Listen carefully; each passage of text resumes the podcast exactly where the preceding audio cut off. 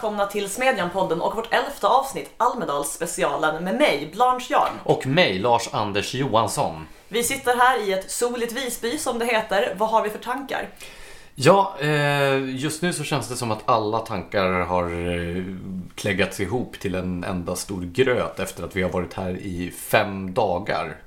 Nu kommer jag att tänka på Håkan Juholts synpunkter på klägget, den politiska eliten. Var det någon sån referens du drog? Ja, alltså Juholt beskrev ju eh, Almedalsklientelet, det vill säga den politiska, den eh, opinionsbildande och den eh, kommunikativa klassen i termer av just klägget. Eller som andra säger, det policyprofessionella. Vilket hemskt ord. Ja, jag tycker nog att Juholts beskrivning är mer poetisk. Ja, alltså jag är nog hellre klägg än policyprofessionell. Eh, Du syftar då naturligtvis på Nick Clegg. Jag tar tillbaka det och är hellre policyprofessionell. Men eh, om vi då ska rekapitulera årets politikervecka på Gotland. Vi dök ju upp här på ön i söndags kväll och kunde konstatera då att eh, det har varit bety- att det redan då eh, upplevdes att det är betydligt ödsligare än vad det har varit de senaste åren. Och det är ju ett intryck som har bestått. Ja, vi fick en parkeringsplats, bara en sån sak. Ja, exakt. Och det var ju, alltså när vi gick runt där på söndagen och sen även de andra kvällarna så har det ju varit mycket glesare eh, ute på gator och torg i Visby. Till och med upplevde jag eh, att det har varit glesare än en vanlig sommarkväll här i, i Visby. Nej, men jag tycker också det verkar så, även om jag inte har några vanliga sommarkvällar i Visby att jämföra med eftersom jag som, som klägg bara kommer hit under Almedalsveckan. Men eh, jag läste ju eh, Malcolm Sheines text om det här. Att eh, han tolkar det som att alla utom SD helt enkelt har givit upp och slutat tro på kraften i sina egna floskler och bara tagit ut förlusten i förskott så att ingen är särskilt, alltså alla politiker och andra opinionsbildare som är här, ingen helt enkelt är särskilt Fast, nu, engagerad i det hela. du, fast menar han då att de inte har åkt till Gotland? Att det är därför det är tomt? Jo, han menar att det är här men att det mest går runt och är uppgivna och då kanske man tar lite mindre plats och verkar Ja men så här, man du vet, slinker längs husväggen istället för att gå stolt mitt på gatan.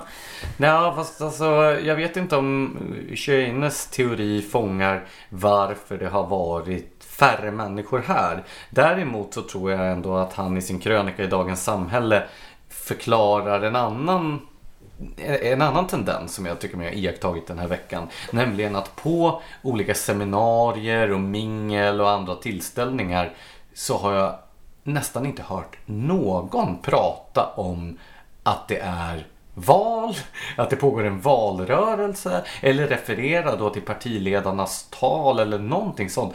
På något märkligt sätt så har politiken varit nästan helt frånvarande här under Almedalsveckan. Ja, alltså normalt är det ju som att tala om vädret, att tala om det närmast förevarande talet. Men nu har ju folk faktiskt pratat om vädret. Det kan ha att göra med att det var en mindre istid i måndags och man inte riktigt har kommit över det. Men Fast- jag känner fortfarande igen spaningen. Alltså, just under politikerveckan så blir det ju det är ju som ett aktivt ställningstagande att människor inte pratar om, om politiken.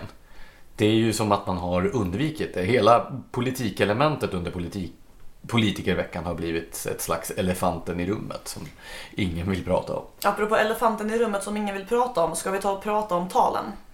Ja, vi har ju då lyckats höra tre partiledartal hittills i alla fall i Almedalen. Vi missade ju Ulf Kristersson i söndags eftersom vi satt då på färjan över hit. Precis, men eh, våra, våra, från våra källor i MUF så erfar Smedjan att Ulf Kristerssons tal var fantastiskt briljant och svepte iväg alla i en storm av kraftigt moderata känslor. Ja, molnen skingrades och en solstråle sken rakt ner på den store ledaren. Som det alltid gör när han talar. Eh, Men eh, ja, vi missade nog någonting fantastiskt men det, det är inget att göra åt saken. Därnäst talade ju Jonas Sjöstedt som jag ju brukar ha rätt höga tankar om retoriskt. Han brukar ju vara den som talar Ja, Jonas Sjöstedt bäst. är ju min personliga favorit bland de senaste årens Almedalstalare. Men jag måste säga att det här var nog det svagaste Almedalstal som jag har hört från vänsterledaren. Ja, verkligen. Alltså han, Han talade ju under den här mindre istiden i måndags när det alltså var duggregn och kanske 13 grader och folk stod och försökte, försökte överleva primärt och sen i andra hand höra vad han sa. Och då väljer han av någon anledning att först beskriva vilken härlig försommar vi har haft och vilket bra väder det har varit och hur man satt ute på balkongen och läste och hade det trevligt. Cyklade och badade efter jobbet. Och som man var... tydligen gör som vänsterledare, den sortens grejer. Och sen så tvärsvänger han och förklarar att detta är en följd av, eh, av klimatförändringarna och ett stort problem och det vill Vänsterpartiet göra någonting åt. Och alltså, det blir ju inte mer tondövt än att säga så när folk håller på att frysa ihjäl. Ja, alla stod där i den här... Eh, ja, men det var ju verkligen ett ruggigt höstväder. Och alla stod och frös under sina paraplyer. Och han målar upp den fantastiska försommaren som de flesta har i färskt minne. Och sen försöker han sälja in det som konsekvensen av någonting stort och hotfullt. Det var inte så lyckat retoriskt grepp. Nej men det var, det var ändå rimligare när han försökte sälja in Vänsterpartiet som partiet med den mest familjevänliga politiken. Han sa ju att barn som eh, vars föräldrar har mer ont om pengar generellt är mer missnöjda med hur de har det i allmänhet och därför är en riktigt familjevänlig politik att ta pengar ifrån de familjer som har det bättre än så. Och därför så har Vänsterpartiet den mest familjevänliga politiken.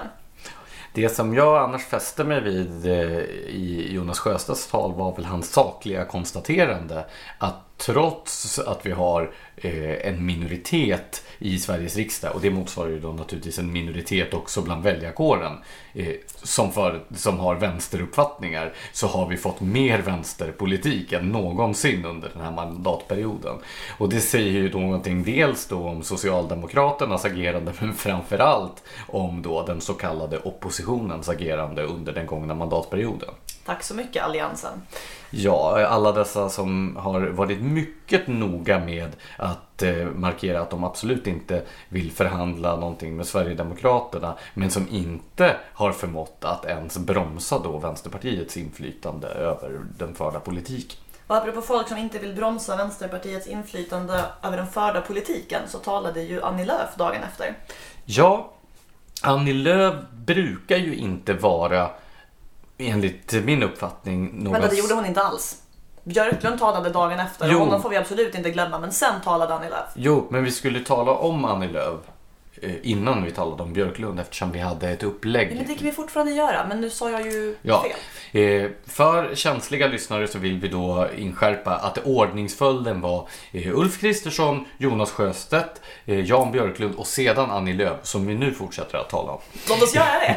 Jo, som jag var inne på så brukar ju Annie Lööf inte vara en särskilt eh, stark retoriker. Men jag tyckte nog att hennes tal var det starkaste av de som har varit hittills. Ja, jag håller du? Eh, Det var ju tydligt att Löv mycket skickligt har lyckats positionera sig själv som då den borgerliga motpolen till Sverigedemokraterna och till eh, rasistiska och främlingsfientliga krafter. Vilket ju då också Eh, den nordiska motståndsrörelsen som hade aktivister på plats i publiken som stod och försökte störa mötet villigt spelade med i. Det blev ju ett slags eh, interaktion där mellan centerledaren och de här eh, antidemokratiska nazisterna i publiken. Ja, det är ju sådana positioneringar som, som egentligen båda kanske vinner på. Så här, nazistmänniskorna bland sina, tack och lov, ännu begränsade anhängare såg väl säkert modiga och spännande ut eller någonting. Och Annie Lööf gjorde ju ett väldigt bra intryck när hon pausade och sen vad var de sa någonting i stil med att nu har vi lyssnat på vad ni har att säga så nu kan vi fortsätta med, med vårt. Liksom. Så hon vann ju utan tvekan väldigt mycket på det också. Ja, absolut. Och eh, i det fortsatta talet så var det ju också hennes markeringar mot rasism och främlingsfientlighet som vann mest gensvar också hos publiken. Hon var väl den första som fick spontana applåder av de här partiledarna. Ja, så var det. Till de tidigare talarnas försvar kan man väl säga då att Annie Lööf också begåvades med ett strålande sommarväder, vilket kanske också bidrog till bättre förutsättningar. Ja, men mina händer skakade ju så mycket av den katastrofala kylan under Jonas Sjöstedts tal att jag nästan applåderade bara genom att darra. Så att egentligen borde han ha fått någon sorts handikapp där. Ja, men mellan eh, vänstern och centern så eh, finns ju då Liberalerna. som eh, företräddes av partiledaren Jan Björklund. Han inledde med ett lång, en lång allegori över fotbollslandslaget som inte riktigt verkade vinna genklang hos den folkpartistiska publiken. Nej, jag, jag brukar ju förtränga allt som har med fotboll att göra så jag kommer faktiskt inte riktigt ihåg vad det handlar om. Men det är helt okej om du inte vill påminna mig. Men eh, det mest anmärkningsvärda där var ju då eh, att eh, Björklund aviserade att Liberalerna tänker lägga om hela sin valrörelsestrategi efter då att Sverigedemokraterna har deklarerat att de vill ha en folkomröstning om ett svenskt utträde ur EU.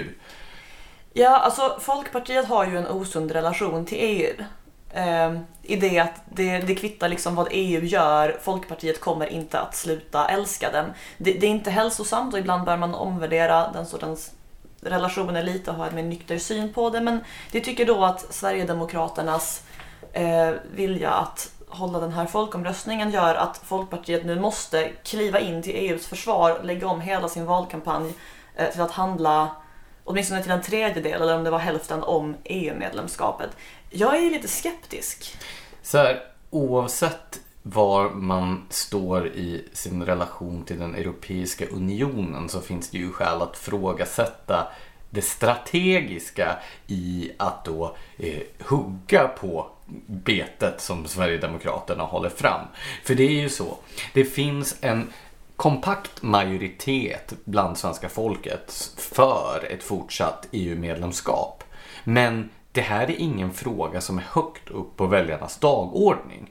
Det finns således inget skäl, om man är för ett fortsatt svenskt EU-medlemskap så finns det således inget skäl att lyfta frågan. De enda som kommer att vinna på att det blir en debatt om det svenska EU-medlemskapet e är ju de partier som förespråkar ett utträde. Det vill säga då de två partier som också växer mest i opinionen på senare år, Vänsterpartiet och Sverigedemokraterna. Fast driver Vänsterpartiet den frågan Ja, det har de gjort hela tiden. Ja, nej, vänstern i allmänhet, alltså inte Vänsterpartiet De vänstern, två par- utan vänstern i allmänhet har ju annars börjat bli mer och mer EU-vänliga. Eftersom EU-projektet har blivit mer vänster. Men Vänsterpartiet är ju för ett utträde ur EU. Och de två partierna växer i opinionen och är de enda som gynnas av detta. Så det som Jan Björklund och hans liberaler gör här i valrörelsen det är ju att de räcker upp handen och säger ja, vi ställer gärna upp som ett bollplank i er EU-fientliga kampanj. Sen är det ju också så här, de som hyser en lika stark kärleksrelation till det europeiska samarbetet som Jan Björklund gör, de röstar ju redan på Jan Björklund. Det känns ju osannolikt att andra väljare kommer att strömma till Liberalerna på grund av att man gör EU-frågan till en valrörelsefråga. Ja, framför allt som det som verkar vara drivkraften, åtminstone bakom Björklund och förmodligen bland dem som brinner för EU på samma sätt som han gör, är ju nostalgin. Alltså han talar ju rätt ofta om om så här DDR-Sverige och gränskontroller och det här att man fick smuggla in en telefon för att man inte fick ha en i allmänhet. Men så här, det där var ju liksom EU för 30, 40, 50 år sedan. Alltså man kan ju inte leva på den här nostalgin hur länge som helst och framförallt kan man inte locka nya väljare som inte var med för 50 år sedan på en EU-nostalgisk romantisk vurm. Nej, och sen att skapa en debatt kring en fråga där man redan har majoriteten med sig är ju extremt kontraproduktivt. Ja, Eh, Det var ju också lite märkligt tyckte jag, hans avslutning där. När Jan Björklund konstaterade att hans eget politiska engagemang aldrig hade varit viktigare. Det var ju självförhärligande på ett märkligt sätt som jag inte riktigt förstod vad det skulle syfta till som retorisk figur. folkpartister är annars kända för att vara väldigt ödmjuka och ha en väldigt, väldigt balanserad inställning till sin egen vikt för, för demokratin och framtiden och utvecklingen. Finns det någon särskild anledning till att du inte använder Liberalernas partinamn här i- när vi Jag talar om använder det? Liberalernas partinamn. Ja, precis. Bara det som det har övergivit i hopp om att lura oss andra att det har blivit liberala. Det pågår ju också en massa andra saker. Som vi redan konstaterat så har partiledartalen fått en rätt eh, undanskymd eh, position här under politikerveckan, märkligt nog. Ja, det är väl Skandias talmingel där man kan stå på en terrass och titta på talet. Där talet fortfarande står i centrum. Ja, annars så är det väldigt lite, lite som kretsar kring detta. Men däremot har ju andra typer av aktiviteter eh, tagit allt större plats och mer eh, uppmärksamhet. Jag tänkte vi skulle tala lite om då eh, det som man skulle kunna kalla kanske Almedalens eh, dyraste respektive billigaste eh, event som har varit. Ja, jag missade ju båda två, men du hade ju glädjen att gå på det dyraste. Ja, det är ju Där så. klägget hänger. Eh, Ja, åtminstone en betydande del av detsamma. Nej, men den, eh, norsk, eh, den norske hotellkungen Petter Stordalen har sedan tre år tillbaka etablerat ett champagnemingel som då tack vare sin, eh, jag vet inte om man ska säga exklusivitet för det är en väldigt stor tillställning men tack vare att det är just där champagne och jordgubbar och, eh, makaroner som, eh, som bjuds på eh, har fått en viss... Vänta, var det makroner? Alltså de små bakverken? Ja. Jag borde gått dit. ja, Jag älskar såna. Hur som helst. Eh, ja, det var uppenbarligen många andra som gjorde det också. Eh, och det här att det är ett väldigt påkostat evenemang gör ju att det också är många som, som vill gå dit. Eh, det faktum att Eh, det var Erik Gadd som stod för underhållningen bidrog väl säkert också. Eh, det är väl troligtvis det dyraste minglet här i Almedalen. Men jag tror också att minst lika stark dragningskraft som eh, att man hade plöjt ner en hel del ekonomi i det här evenemanget är ju Petter Stordalen som person. Han har ju en, en helt unik karisma och dragningskraft när han dyker upp. Jag vet inte om du såg honom när han var med i Skavlan till exempel Nej. tidigare. Nej, men han är ju en... Ja, för, som näringslivsprofil så är han ju väldigt speciell. Han är ju en, en demagog närmast. Och han ordnar ju det här, de här minglen för att kunna hålla då eh, ett anförande.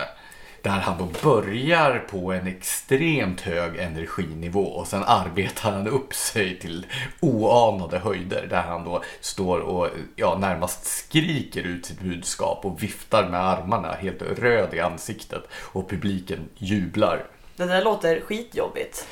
Ja, framförallt så tror jag att vi ska vara glada åt att Petter Stordalen är hotellentreprenör och inte politiker. För han har ju en lyskraft som de här, de, ja, våra politiska företrädare i samtliga partier saknar. Fast går det verkligen hem så bra tror du att vara partiledare i Sverige och stå och skrika sig röd i ansiktet? Det känns inte som någonting som går hem här. Jo, med tanke på reaktionerna på hans tal där på, eh, på hans eget mingel så tror jag faktiskt det. Det- Det finns ju människor som har lite andra kravlistor på politiker och på mingelfixare. Ja, fast här bedömde jag honom som karismatisk talare och demagog. Och eh, ja, om du hade sett eh, entusiasmen i åhörarnas ögon så hade du förmodligen trott mig. Eh, I kontrast till detta stod då det billigaste förmodligen minglet i Visby. Eh, Det var Thomas Gyr som gjorde om förra årets pop-up-mingel. Nej, Eh, inte mingel, seminarium.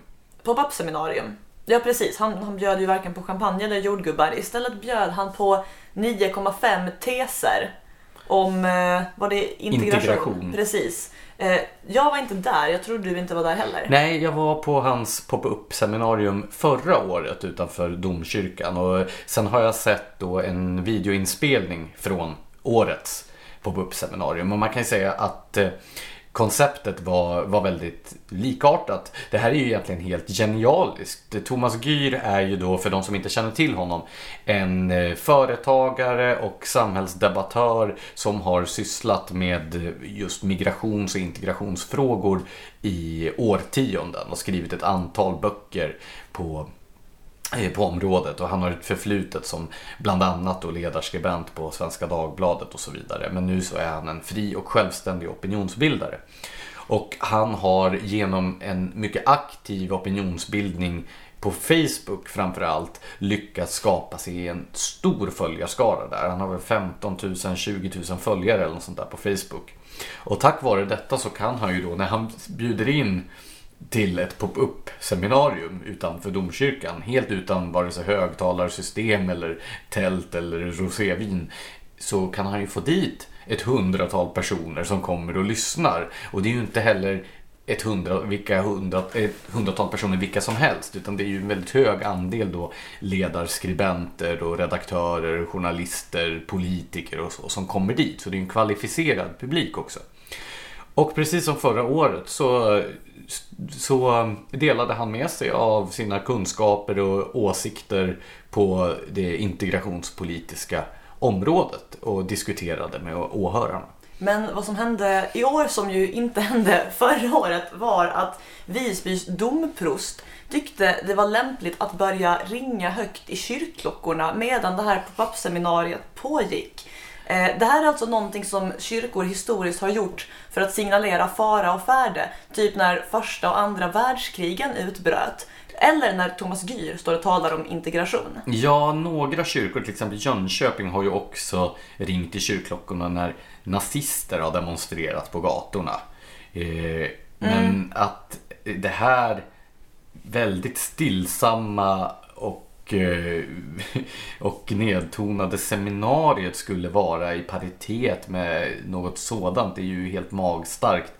Eh, Ja, men det var tydligen enligt domprosten då ett otrevligt och konfrontativt budskap. Så låt oss i fortsättningen bara ha trevliga konsensusbudskap så att ingen försöker skrämma bort oss från Visby eller så. Sen ska vi väl då till domprostens och Svenska kyrkans försvar bara också anföra att domprosten har ju själv gått ut med ett uttalande i efterhand där han säger att det här var överilat och att tillställningen inte motiverade beslutet att ringa i kyrkklockorna. Och även ärkebiskop Antje Jackelén har då ställt sig bakom det här uttalandet. Så att eh, det, kyrkan, domprosten och kyrkan har ju backat från det här agerandet. Men det är ju otroligt pinsamt.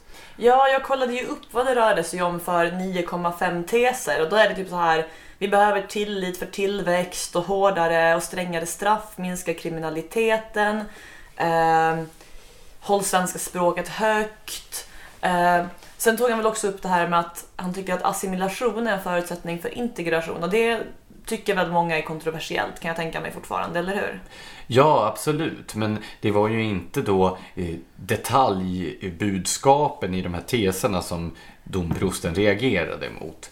Sen så har jag ju sett en del då överdrivna reaktioner också här mot Svenska kyrkans agerande. För det, var ju inte en, det är ju inte en yttrandefrihetsfråga att man ska få ordna pop-up seminarier på Svenska kyrkans mark. Däremot då om det är så att man hade haft synpunkter på att eh, Thomas Gyr stod där och höll sitt anförande så hade det ju varit betydligt mer sympatiskt agerat att gå fram till honom och be honom hålla det på gatan utanför. Istället för att ta till det här mycket demonstrativa maktspråket som klockringningen innebär. Ja, det, det skulle man ju kunna tycka. Sen är det ju också rent kommunikativt en rätt katastrofal strategi att försöka tysta ett fredligt seminarium när det är en stor mängd journalister och ledarskribenter och så som står där och deltar i, i diskussionen. Så att framförallt är ju det här, dels är det ju en PR-mässig framgång för Thomas Gyr och sen är det ju en väldigt pinsam plump i protokollet för Svenska kyrkan och domprosten i Visby. Ja, nej, jag, jag, tror det var en, jag, jag tror det var en dålig idé och ett dåligt tillfälle att ringa i kyrkklockorna för att signalera fara och färde. Men apropå eh, Thomas Gyrs pop-up seminarium kan vi väl gå vidare till lite mer förhandsplanerade och eh, mindre kyrkoavbrutna seminarier. Ja. Har du varit på något kul i år? Jag har haft väldigt mycket egna engagemang här i Almedalen där jag har deltagit i olika, olika eh, paneldiskussioner och eh, debatter. Jag har debatterat en del och jag har modererat lite grann sådär. Så jag har inte hunnit gå på så många externa seminarier. Men jag var till exempel då på ett seminarium som eh, Sveriges Radio arrangerade om kulturpolitik. Eller jag var där då i egenskap av, av kulturdebattör. Och eh, man kan väl säga att kulturpolitiken har sent om sidor kommit upp på den politiska dagordningen. Eh, både hos eh, hos Sveriges Radio och Sveriges Television också. De har ju haft en serie nu om kulturpolitik i Kulturnyheterna till exempel. Och hos organisationer som Riksteatern och Svensk scenkonst och så som arrangerar seminarier i Almedalen. Det som jag kan tycka är en smula tröttsamt är att det finns ett slags narrativ i alla de här seminarierna där det, liksom- där det går ut på att kulturen hotar hotas av politisering på grund av Sverigedemokraternas eh, valframgångar och då eh, den valframgång man förutspår i höst. Och det här är ju en minst sagt ohederlig beskrivning av hur det ser ut med tanke på hur politiserad kultursektorn är i Sverige och hur aktivistisk stora delar av den offentligt finansierade kultursektorn är. Så den här politiseringen som man nu varnar för på seminarium efter seminarium och som man hotar att Sverigedemokraterna ska komma med, den har ju redan ägt rum. I själva verket så menar jag att det vi ser nu, det är eh, hur en grupp som vill att kultursektorn ska vara politisk i enlighet med deras åsikter nu Eh, protesterar mot att det kommer en annan grupp som vill göra kultursektorn politisk utifrån ett annat perspektiv. Men det är ju då en falsk eh, argumentation att man låtsas att det är nu det hotar att bli politiserat. Som om den vore neutral idag.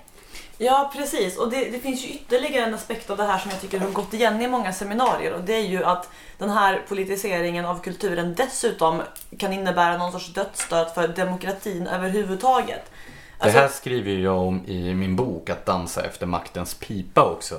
Just den här ohederliga argumentationen där väldigt många av dem som förespråkar en stor offentligt finansierad kultursektor och en stark politisk inblandning i kulturlivet. De brukar komma med den här typen av slagord att ja, en offensiv statlig kulturpolitik är jätteviktig för alla människors lika värde och för demokratin och så vidare.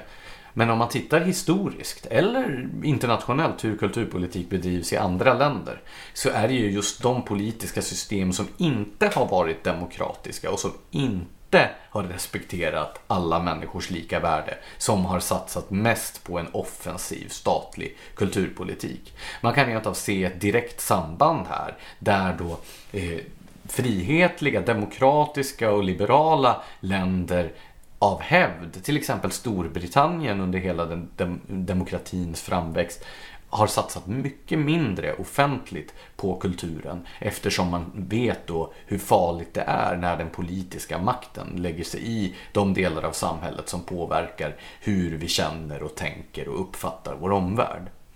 Ja, alltså mitt, min både favorit och kanske det absolut värsta exemplet på på det här konstiga resonemangen kring kultur och demokrati och politisering eh, tycker jag ändå Riksteatern har kommit med. Har du kommit i kontakt med deras dystopiska framtidsmyndighet? Ja, det här är ju väldigt anmärkningsvärt för Riksteatern är ju en av kulturpolitikens tyngre institutioner. De omsätter ju en kvarts miljard av skattebetalarnas pengar. Och... Ja, det har 40 000 medlemmar, så det här är liksom en stor organisation. Ja, en stor skattefinansierad organisation och de har ju då en ganska stor närvaro här under politikerveckan. Och för skattepengar bedriver de vad som det närmaste är att likna vid en valkampanj. Det, de säger det inte rakt ut, de talar i termer av krafter som hotar och så vidare. Men det är uppenbart att udden är riktad just mot Sverigedemokraterna. Och att en skattefinansierad organisation under en, ett valår kampanjar mot ett riksdagsparti får väl ändå ses som ganska anmärkningsvärt. Ja, men alltså, överhuvudtaget tycker jag att den här kampanjen sammanfattar den sortens, eh, den sortens syn som vi nu talar om. Så jag tänkte faktiskt bjuda på lite högläsning ur pressmeddelandet för att förmedla vad det här rör sig om för resonemang. Det här är alltså Riksteaterns pressmeddelande inför Almedalsveckan? Inför lanseringen av den dystopiska framtidsmyndigheten. Låt höra. Here we go. För att uppmärksamma att ett ointresse för kulturpolitiken är ett hot mot demokratin lanserar Riksteatern idag Svenskt kulturturistcenter. En dystopisk myndighet från ett framtida Sverige där konsten och kulturen inte längre är fri utan används som ett verktyg för att bygga den nationella identiteten. Initiativet uppmärksammar den utveckling som kan ske när riksdagspartierna inte prioriterar kulturpolitiska frågor. Den påhittade myndigheten Svensk kulturturistcenter verkar år 2026 och erbjuder trevliga och okomplicerade kulturupplevelser. Konst och kultur som inte ifrågasätter, skapar eftertanke eller provocerar, utan istället bygger ett land skapat av en nationell likriktighet, där medborgarna inte ska tänka... En nationell eller... vadå? Likriktighet, det är tydligen ett ord nu. Eh, där medborgarna inte ska tänka eller känna något annat än det som bestämts av det styrande. Och sen så slänger det också in en varning här om att i länder som Polen, Ungern och Spanien sker en utveckling där det fria ordet och konsten inskränks och staten alltmer kontrollerar kulturen. Och vad jag spontant reflekterar över här, förutom ordet likriktighet och frågan om det överhuvudtaget existerar, det är ju har inte kulturpolitiken ganska länge i Sverige försökt skapa en nationell likriktighet? Ja. Där medborgarna ska hålla med i styrande? Ja, alltså i princip allt det här som de varnar för har ju redan införts. Den här politiska styrningen, likriktningen, allt det där. Eh, den enda skillnaden är ju då att Sverigedemokraterna, som ju då uppenbart är det som åsyftas, förespråkar ju då ett eh, slags nationalistiskt innehåll medan den förda politiken och särskilt nu under nuvarande regering eh, istället är något slags identitetspolitisk vänsteragenda. Men just det här med styrningen, eh, med likriktningen, allt det är ju redan verklighet här och nu idag. Ja, det här är ju precis som, som folk som påstår sig vara emot monarkin men i själva verket bara vill ha en annan kung. Alltså det är ju helt för systemet, det vill bara ha ett annat innehåll och det gör egentligen inte saken så mycket bättre. Och i det här fallet så handlar det ju om att det är de som sitter på makten som vill behålla den. Men från ett frihetligt perspektiv så är det ju pest eller kolera som det handlar om. Ja. Ehm, Men... eh, har du gjort några fler iakttagelser vad gäller då allmänna trender? Du som har hunnit gå på fler seminarier än vad jag har hunnit. Alltså jag har sett eh, en oproportionerligt stor ökning. Tycker jag, det här är alltså inte så att jag suttit och räknat efter bland hur många tusen evenemang som helst. Men jag tycker mig notera att det jämfört med förra året är dels väldigt många fler seminarier om metoo, vilket ju är rätt självklart eftersom metoo inte fanns förra Almedalsveckan. Eh, men också om så här, demokratin och huruvida den är hotad och dess essens. Och den här relationen mellan eh, de två viktiga aspekterna av demokrati, nämligen gränser för den politiska makten och den politiska maktens behov av att respektera folkviljan. Eh, jag har inte gått på så många av de seminarierna eftersom jag helt enkelt inte har känt mig jättelockad. Men jag har gått på ett par sådana här metoo-relaterade. Okej. Eh, det såg ut som att du ville säga någonting här. Ja, jag tänkte på det här med demokratidebatten som förs nu. Jag har tänkt så mycket på att det är ofta sådana som företräder ståndpunkter som går stick i stäv med just vad som är det demokratiska synsättet på hur samhället ska styras som vill använda sig av demokratibegreppet. Det är ju inte ovanligt att personer som företräder en identitetspolitisk agenda, det vill säga där representativitet inte utgörs av att du utse dina egna företrädare utifrån dina åsikter utan representativitet istället att du företräds av någon som har samma fysiska egenskaper som du. De personerna vill använda sig av eh, demokratibegreppet. Ta den här Barakat Gevrehavaria till exempel som du har skrivit om när han eh, då utsågs till ledamot av Nationalmuseums insynsråd. Han förespråkar ju en representativitet baserat på hudfärg samtidigt då som han kallar sig demokratiagent. Ja, och driver, eh, är det en kommunikationsbyrå han har som kallas Demokratim? Precis, och det här är ju bara en bluff eftersom det är raka motsatsen till det demokratiska synsättet. Demokrati går ut på att vi väljer själva. Varje medborgare får möjlighet att välja eh, sina representanter. Men utifrån det identitetspolitiska paradigmet så företräds man av sådana som råkar se likadana ut oavsett vad de har för åsikter. Så demokrati har blivit ett sånt här buzzwords som används för folk som vill föra fram helt andra agendor. Ja men precis, det är ju som att om jag, om jag röstar på en man i riksdagsvalet så har jag inte blivit representerad i demokratin för att jag valde en person av fel kön eller något skit. Ja, men däremot eh, så företräds du då av vänsterpartisten Rosanna Dinamarca eftersom ni då har fötts med samma kön oavsett Mm, om era åsikter går eh, hand i hand. Eller? Ja, den representationen är jag förstås evigt tacksam för. Men tillbaka då till de här metoo-seminarierna som du hade varit på. Ja, framförallt så, eh, eller framförallt så gick jag på, men det som, jag, eh, det som gjorde ett starkast intryck var när jag var på det överfulla eh, seminariet som bland annat Svensk kvinnolobby arrangerade. Eh, på temat Vad är den nästa stora jämställdhetsreformen?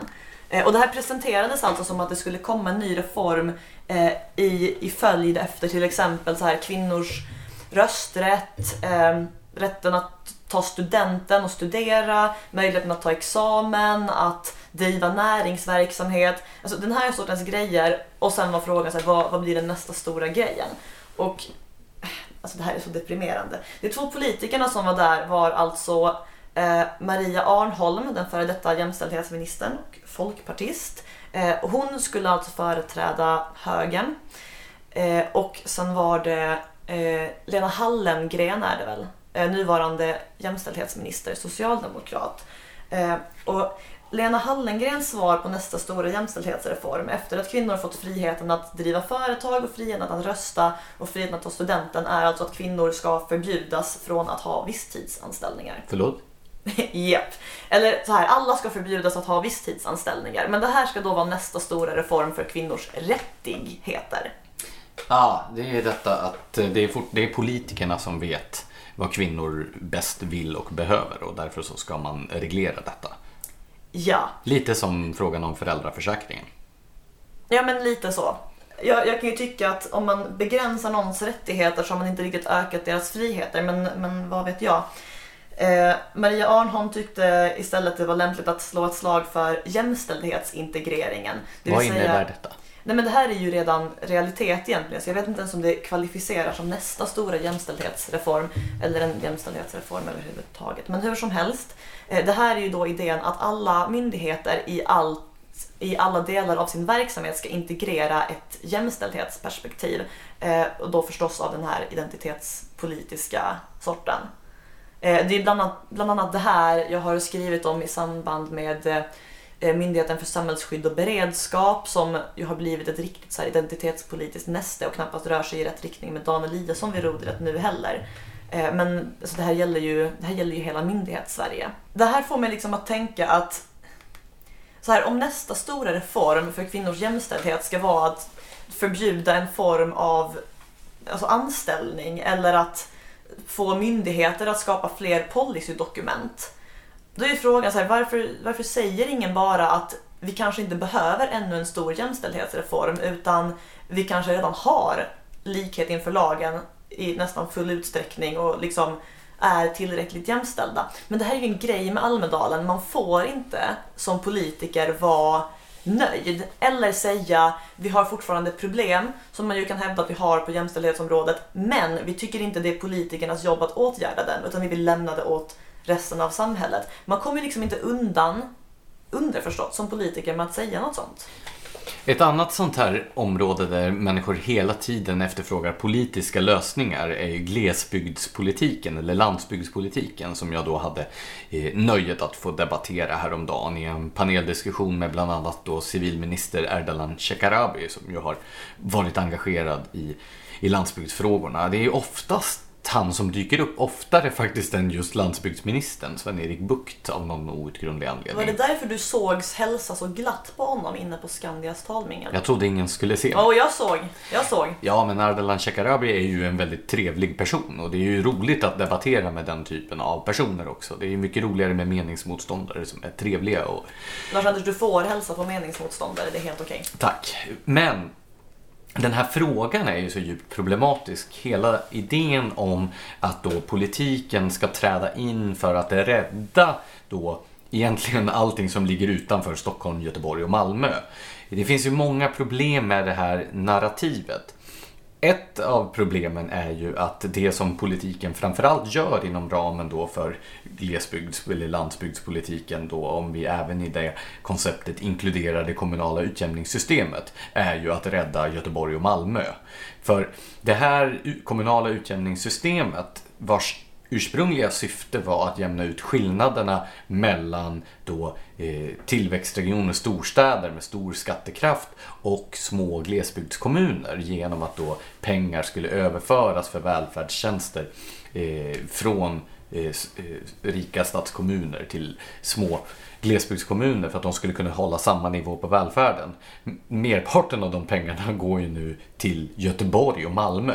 Och det var ju inte riktigt så det var tänkt. Det var ju inte tänkt att då kommuner som storstadskommuner mitt i expanderande tillväxtregioner skulle kunna åka snålskjuts på andra storstadskommuner som bedriver en mer effektiv politik. Ja, det är väl bara ett tiotal kommuner som är nettobetalare medan alltså övriga 200 vad det nu är kommuner leachar på dessa stackars 10 kommunernas skattekraft. Ja, precis. Så att det är ju många storstadskommuner som egentligen inte borde ingå i i eh, det här utjämningssystemet som ändå utgör merparten av nettomottagarna. Ett annat problem med narrativet om städernas relation till landsbygden är ju detta att landsbygden hela tiden beskrivs i termer av ett slags problem eller en belastning som måste då få stöd från städerna. När det i själva verket är så att många av de demografiska och strukturella, sociala och ekonomiska problem som vi ser idag i själva verket är en eh, effekt av en medveten politisk strävan. Ett av de stora problemen är ju att eh, politiken under hela efterkrigstiden har slagit sönder förutsättningarna för det privata näringslivet i stora delar av landet. Det fanns till exempel någonting som hette den solidariska lönepolitiken. Solidarisk är ju väldigt ironiskt i sammanhanget men den gick i alla fall ut på att eh, lönesättningen skulle vara identisk i hela landet. I storstäderna såväl som på landsorten. Vilket ju gjorde att eh, små företag och företag i glesbygd hade otroligt svårt att konkurrera med företagen i storstäderna eh, om arbets, eh, arbetstagarna eftersom man, eller man hade ju inte råd att betala ut den här typen av löner som man var tvungen att göra. Alltså det var alltså landsbygden som var tvungen att anpassa sig uppåt? Ja, precis. Man kunde inte konkurrera med lönesättningen. Och det gjorde ju då att eh, människor, framförallt uppe i Norrland men även i andra delar av landet, blev av med sina arbetstillfällen och var tvungna att flytta till storstadsregionerna. Framförallt då, ja, Stockholm, Göteborg och Malmö för att arbeta. Progrörelsen proggrörelsen uppe i övre Norrland var ju otroligt kritisk till detta. Det kallades flyttlasspolitiken när regeringen drev människor att flytta in till städerna. Och bakom det här fanns ett slags, eh, in, ett slags effektivitetstanke. Man såg ju hela landet som eh, ett projekt och det fanns då stordriftsfördelar. Så det var medvetet att man försökte slå ut små företag. Fräscht. Och under den här perioden, så det var ju då det nästan inte grundades några nya företag som blev stora i Sverige heller under ja, mer än 50 år där i mitten av 1900-talet. Så det var ju otroligt destruktivt politik för Sverige som helhet men framförallt då för, eh, för landsorten. Och de här problemen som politiken har skapat försöker nu politiken med diverse subventioner och riktade satsningar lösa. En annan sån här eh, faktor det är ju att offentlig sektor har varit pådrivande i urbaniseringen. Och här finns det två stycken olika tendenser. Den ena tendensen handlar om kommunsammanslagningarna.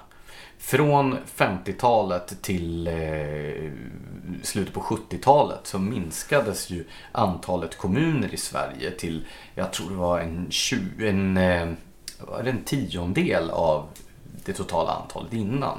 Men det blev alltså större och större enheter. Och i varje sån här ny stor kommun så såg då politikerna stordriftsfördelar. Vilket gjorde att det var ju mer, då tyckte man att det var mer ekonomiskt att ha eh, en skola i centralorten istället för att ha en massa byskolor. Och så kunde man bussa in eleverna då till centralorten istället. Och det här gjorde ju att eh, när servicen försvann på de små orterna så blev incitamenten för människor att flytta dit också mindre. Och som Ardalan Shekarabi påpekade i, i den här panelen, för det finns även självkritik inom socialdemokratin, även om det inte är så vanligt var att även staten har varit pådrivande i detta. Myndigheterna har centraliserat sin verksamhet i mycket högre utsträckning än näringslivet. Det vill säga polisen har centraliserat sig, Försäkringskassan, Arbetsförmedlingen. Så när arbetstillfällen har försvunnit från landsorten så har det framförallt varit offentlig sektor som har gått först och centraliserat mest. Så både företagen som har lagts ner på grund av politiska åtgärder och kommunerna som har centraliserats när de har blivit större och större och slutligen då att staten har tagit bort all sin samhällsservice. Men stämde det här seminariet då in på min hypotes att du som politiker i Almedalen, alltså inte du Nej, jag är ju gud förbjude okay. att jag någonsin skulle bli politiker. Personer i allmänhet som är politiker i Almedalen avkrävs politiska lösningar även på problem som kanske istället skulle avhjälpas bättre genom att minska politiken. Ja, det är ju hela tiden så här att man efterfrågar en mer aktiv politik och satsningar. Så fort jag hör ordet satsningar så blir jag instinktivt skeptisk eftersom det hela tiden innebär att man ska hälla mer pengar på det som man uppfattar som ett problem. Det vill säga ge mer pengar till det som inte fungerar. Jag tror ju att det har varit klokt av regeringen nu att eh, då i viss mån flytta tillbaka samhällsservice, alltså statlig service till Eh, mindre orter. Det vill säga att man har skapat nya eh, lokalpoliskontor och eh, arbetsförmedlings och försäkringskassekontor och skapat också så här myndighetscentrum på små orter där flera myndigheter kan samsas på ett gemensamt kontor. Det, sånt tror jag är klokt. Vad jag inte tror är klokt i den förda politiken det är ju det här när man ska flytta ut myndigheters huvudkontor i landet. Ja, det är ju alltid myndigheter som kräver en sorts specialkompetens. Små myndigheter med en väldigt specifik kompetensprofil eh, vars anställda sällan vill flytta från Stockholm ut till Falun och inget ont om Falun här, men som ett exempel. Ja. Och eh, där Falun kanske inte har tillräckligt många personer med rätt kompetens på plats. Och det skadar ju, både, det skadar ju myndigheterna samtidigt som det rör sig om så få arbetstillfällen att frågan verkligen är vad man egentligen får ut av det. Ja, och den här, myndigheter som har instiftats för ett specifikt syfte ska ju inte användas som arbetsmarknadspolitiska åtgärder. Som när man flyttar Strålsäkerhetsmyndighetens huvudkontor från Solna till Katrineholm. För det första är ju inte Katrineholm glesbygd. För det andra så kunde ju inte medborgarna bry sig mindre var det här huvudkontoret ligger. Men samtliga anställda på den här myndigheten förlorar jobbet eftersom de inte vill flytta till Katrineholm. Eh, och det skapar ju inte heller något mervärde. Eh, det blir ju inte fler privata arbetstillfällen i Katrineholm på grund av det här. Utan det som man måste göra är ju att skapa förutsättningar för ett fungerande näringsliv som bidrar med en riktig skattebas. Men med tanke på hur bisarrt svårt det är att avskeda personer man inte är nöjd med i Sverige så är det kanske det här som måste till ifall man inte är nöjd med en medarbetare. Att man flyttar hela arbetsplatsen dit personen inte vill flytta med. Nej, nu tror jag inte att det är det som är bevekelsegrunden här. kanske inte. Däremot så är det ju konstigt då att statliga myndigheter som då har som sitt huvudsakliga uppdrag att finnas nära medborgarna, som till exempel polisen, har centraliserat sig så att man har försvunnit bort från där medborgarna finns. Det är ju faktiskt bra att man då rullar tillbaka i viss mån. Det finns ju stora delar av Sverige som knappt har någon polisnärvaro överhuvudtaget. Och det är ju ett allvarligt problem. Ja, många kommuner är väl utan ett fast poliskontor i hela kommunen, vilket ju är en helt, ett helt sjukt fenomen när man tänker efter. Det är klart att det ska finnas poliser i varje kommun. Ja, så, men det här har ju blivit också, människor oroar sig mycket då över den här påstådda eller reella klyftan mellan land och stad som finns. Och sen så pekar man på den politiska eh, utvecklingen i många andra länder. Till exempel eh, Trumps valseger i USA beskrivs ju ofta i termer av då klyftan mellan land och stad. Och i, det har ju funnits liknande beskrivningar av den politiska utvecklingen i Frankrike där eh, Front National beskrivs som då landsbygdens parti emot storstaden Paris. Alltså där tror jag egentligen snarare är eh, bara ett uttryck som den här klyftan mellan citat etablissemang och vanligt folk eh, tar sig uttryck. Alltså jag tror att det handlar mer om att etablissemanget brukar finnas i städerna och det som mer ser sig som vanligt folk finns på landsbygden. Jag tror inte att det är en spricka av egen kraft så att säga. Däremot så blir det ju då som ju större politiska enheter, ju mer centraliserat allt blir, desto mindre inflytande har ju då människorna som inte bor i centralorterna. Det är därför jag menar att kommunsammanslagningarna har varit så förödande för då allting utom centralorterna där politikerna sitter. För att ta då mitt exempel där med byskolan som läggs ner. Eh, I den här lilla byn som förlorar sin skola finns det ju så få väljare i den stora kommunen att politikerna som sitter i centralorten har ju egentligen inget incitament att bry sig om vad människorna i den lilla byn tycker eftersom merparten av deras väljarbas finns i centralorten. Och då blir det här som en självgenererande process. Och det är också därför som jag är så kategoriskt emot det här förslaget om storregioner. Man har ju sett att på de ställen där man har gjort regionsammanslagningar så har ju då eh, utkanterna, alltså områdena långt från centralorterna förlorat jättemycket inflytande. Det mest märkliga i det här det är ju att Liberalerna och Centern driver på för storregioner trots då att Socialdemokraterna har Eh, skurit de här föreslagna regionerna på ett så smart sätt att det skulle bli socialdemokratisk majoritet i nästan alla storregioner. Och för Centerns och Liberalernas del skulle det innebära att de i praktiken utplånades på landstingsnivå. Så nu när vi har kritiserat eh, sammanslagningar, ska vi ta och slå ett slag emot delning också? Ja, delningsekonomin är ju ett annat sånt här buzzword här i Almedalen i år. Ja, det är överallt. Det är överallt och det är väldigt få som tycks ha en, eh, en aning om vad de egentligen menar med delningsekonomin. Hur menar du nu? Eller vad är, vad, det är väl rätt jag får intrycket av att de vet ungefär vad det talar om. Att så här, dela din bil med någon och din lägenhet med någon annan och din, jag vet inte vad. Alltså så här, man ska ju samäga saker. Ja, fast jag har också sett exempel på där man har hänvisat till delningsekonomi när man i själva verket har menat olika förmedlingstjänster. Alltså, det verkar finnas en föreställning om att delningsekonomi och appar hänger ihop att om man skapar en app för någonting så har man blivit en del av... Ja, men jag hörde till exempel vid ett seminarium någon som talade om att man skulle skapa en app som kunde förmedla eh, då konstnärers tjänster till olika saker. Men det är ju inte delningsekonomi. Det är ju bara ett slags talarförmedling. Och det här är ju eh, viktigt. Eh, den här distinktionen eh, den gör sig tydligare i den rapporten som Timbro kommer att släppa längre fram i sommar, The Sharing Economy Index just vad som är delningsekonomi inte. Och om jag inte missminner mig så är definitionen att det ska vara en resurs som finns där redan. Den ska inte vara producerad eller införskaffad för då att hyras ut. Utan det är där om din lägenhet eh, som du bor i eh, står ledig under några veckor så hyr du ut den. Men däremot om du hyr en lägenhet för att hyra ut den i andra hand, då är det inte delningsekonomi. Men precis, det här handlar väl egentligen om att de två största apparna eh, alltså av den här sorten man tänker på ju faktiskt har med delningsekonomi att göra, nämligen Airbnb som låter människor hyra ut sin lägenhet när de inte använder den eller en del i lägenheten och eh, Uber som eh, låter folk eh, skjutsa människor i sin bil.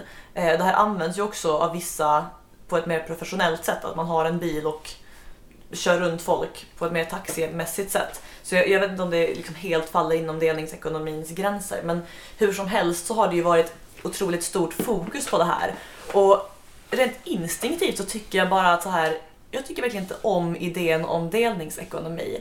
Alltså, jag gick till exempel förbi något seminarium eh, där det stod i beskrivningen att eh, jag tror det var närmare hälften av stockholmare mellan 18 och 35 år på riktigt vill bo tillsammans med människor utanför den närmaste familjen. Alltså möjligen om alternativet var att bo under en bro skulle jag kunna tänka mig det, men annars aldrig i livet. Eller det här att man ska ha eh, självkörande bilar eller dela på sin bil via appar. Är inte hela grejen att man vill veta att man har sin bil och sin bostad där när man behöver den och kan gå dit och liksom ha den i fred eller använda alltså köra dit man behöver komma. Utan att behöva samordna med någon annan. Så det som jag ser som är problematiskt är att det finns så mycket missförstånd om hur stor inflytelserik den här delningsekonomin är. Jag kan väl se att det finns fördelar med den i fallet med Uber till exempel som har brutit upp skadliga taximonopol på, på många håll. Eh, eller med Airbnb som har möjliggjort Eh, ja, men till exempel då eh, grupper som med osäkra arbetsinkomster, konstnärer eller frilansare och sådär som har då hittat en annan utkomstmöjlighet genom att hyra ut sin bostad under en period eller möjligheter att flytta runt på olika ställen. Det finns ju klara fördelar med detta och det är intressant att studera.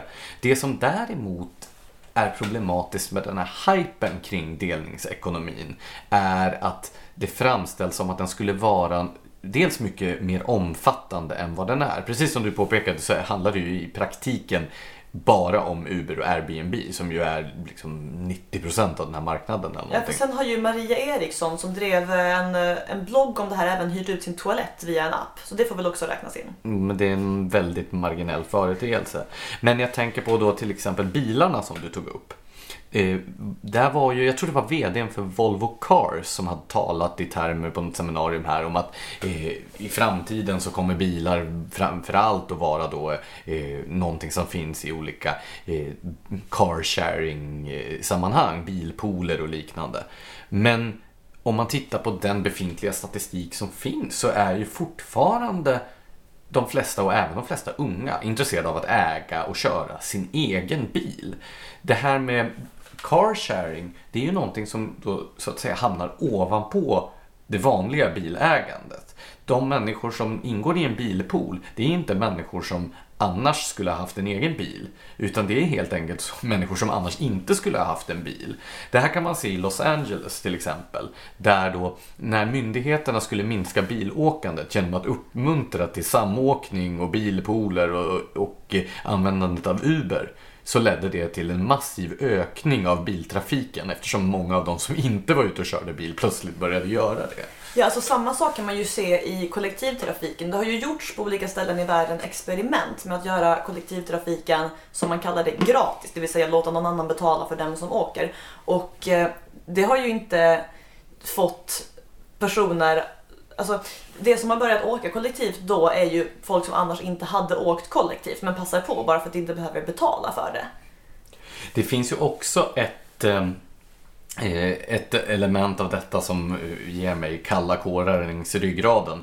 Och det är när människor förespråkar delning av olika saker eftersom det är så ineffektivt när man har någonting som är sitt eget. I bilsammanhang så brukar det ju ofta anföras att ja men en bil används ju bara en timme om dagen, ska den stå där? Men det resonemanget kan man ju överföra på i princip vad som helst. Hur många timmar om dagen använder du ditt kök Blanche? Tio minuter. Ja, och då vore det ju rimligt om eh, du och alla dina grannar istället hade ett gemensamt kök i fastigheten. Tänk vad många bostäder som skulle kunna frigöras om vi inte hade alla dessa ineffektiva kök runt om i Stockholm som upptar onödigt och ineffektivt utrymme. Hur många gånger om dagen använder du din säng, Lars-Anders? Nej, precis. Det skulle ju kunna vara, eh, det är hur många som helst som skulle kunna sova där. Åtminstone, jag menar tre personer i varje säng om vi räknar med åtta timmars sömn per dygn. Ja, tröjan jag har på mig nu använder jag kanske bara varannan vecka. Hur så... ofta använder du din, eller hur, hur, ofta, hur många, hur många timmar om dagen använder du din toalett? Ja, jag kommer inte att kommentera detta i vår podd. Men jag förstår vad du menar. Ja, och då skulle man ju kunna tänka sig att ett framtidsscenario, ett progressivt scenario, det är ju då att man för, då in, för effektivitetens skull tar bort toaletterna ur alla privata lägenheter och istället kanske har en ekologisk toalett, ett slags kanske kompostliknande toalett på bakgården. Det känns ju som en framtidsvision som då alla kan dela på. Ja, eller så kan man skapa lite så här cirkulär ekonomi och folk kan helt enkelt använda rabatterna och liksom låta saker återvända till jorden varifrån det kom och så vidare. Ja, det låter ju väldigt effektivt. Så, nej men just den här idén om att privat ägande skulle vara ineffektivt eh, och att man istället ska då återgå till något slags primitiv livsstil. Som, man kan ju säga så här att ja, men delningsekonomin är ju i många avseenden det som föregick marknadsekonomin. Om vi tar Airbnb som exempel. Hotell uppstod ju under en lång period, eller de utvecklades under en lång period över flera hundra år. Och det började ju med att att eh, människor då hyrde ut rum i sina privata bostäder som då blev värdshus och skjutshåll längs vägarna. Och sen eftersom det fanns en efterfrågan på en professionalisering av den här verksamheten så uppstod då hotell. Och nu så är vi tillbaka igen då på, på ruta ett. Backa bandet. Samtidigt då som man går runt på seminarier här i Almedalen och lyssnar och får det att framstå som att det här skulle vara någonting otroligt nytt och, och helt väsensskilt från allting som har gjorts tidigare. Så nu när vi har avskrivit allt det här, ska vi gå vidare till veckans lyssnarsynpunkt? Ja, precis. Har vi fått in några glada och trevliga lyssnarkommentarer eller läsarkommentarer, Blanche? Om du stryker ett par adjektiv i den frågan så kan jag svara ja. Nej men så här, jag, be- jag behöver ge lite bakgrund till det här. Det är nämligen så att jag tidigare i veckan skrev en text om en undersökning jag hittat eh, som är gjord av eh, Thomson Reuters Foundation, alltså det som det, det är stiftelsen som är knuten till företaget som är, äger Reuters där TT får sina nyheter. Så det här är liksom ett stort världsomspännande nyhetsnät. Det har då frågat eh, 548 experter på kvinnofrågor eh, vad det uppfattar som de farligaste länderna i världen att vara kvinna i. Eh, utifrån ett antal olika parametrar. Och dessa experterna kom fram till att USA är det tionde farligaste landet i världen att vara kvinna i. Och inte bara det, vad gäller sexuellt våld är USA på delad tredje plats med Syrien. Där det alltså pågår ett krig mot IS. Det låter ju helt förfärligt. Det är helt skruvat. Alltså bland länderna som undersökningens experter alltså anser det tryggare för kvinnor än USA finns liksom Tchad där det pågår könsstympning av kvinnor, Irak där det pågår ett inbördeskrig, Singapore där det är lagligt att våldta sin fru så länge hon hunnit fylla 13 år. Är hon bara 12 om man är gift med henne så får man inte våldta henne eller ifall de har separerat i väntan på skilsmässa. Men annars är det så här just do it. Eh, El Salvador... Man får i alla fall skilja sig där. Det är alltid något. Ehm, El Salvador har högst antal mord per capita i världen och så vidare. Så jag skrev en text om att eh, det här är ju förmodligen är knutet till eller förmodligen, det här är knutet till eh, metoo. Det stod i en av texterna publicerade av stiftelsen att ehm, eh, flera experter och kvinnorättskämpar och överlevare och så hade sagt att eh, en ökad medvetenhet om attacker mot kvinnor i samband med metoo-rörelsen har lett till den här bilden av USA. Och då skrev jag att det kanske är lite orimligt att bunta ihop betydligt mildare saker som typ så här du vet catcalling, att vissla efter någon på gatan, dåliga raggningsförsök, sådana saker med faktiskt sexuellt våld för då får man en rätt skev bild av verkligheten. Till exempel att USA är världens tredje, tredje farligaste land för kvinnor att utsättas för sexuellt våld i. Och det är alltså den här artikeln som du då har fått en kommentar på. Jag har fått ett antal kommentarer men jag har en personlig favorit. Eh, Marlene Rosander eh, är en person som på Facebook har delat med sig av följande synpunkt.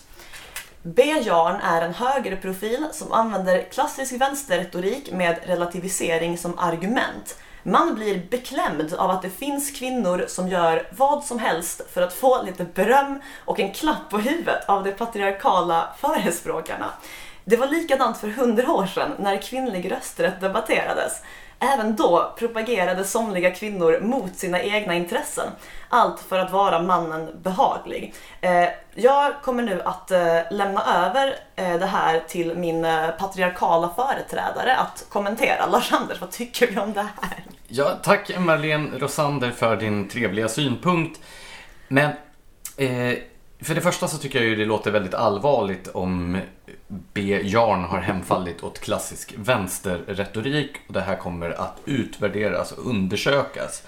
För det andra så vill jag å det bestämdaste förneka att eh, Blanche har någonsin har fått beröm eller en klapp på huvudet under tiden hon har arbetat här på Smedjan.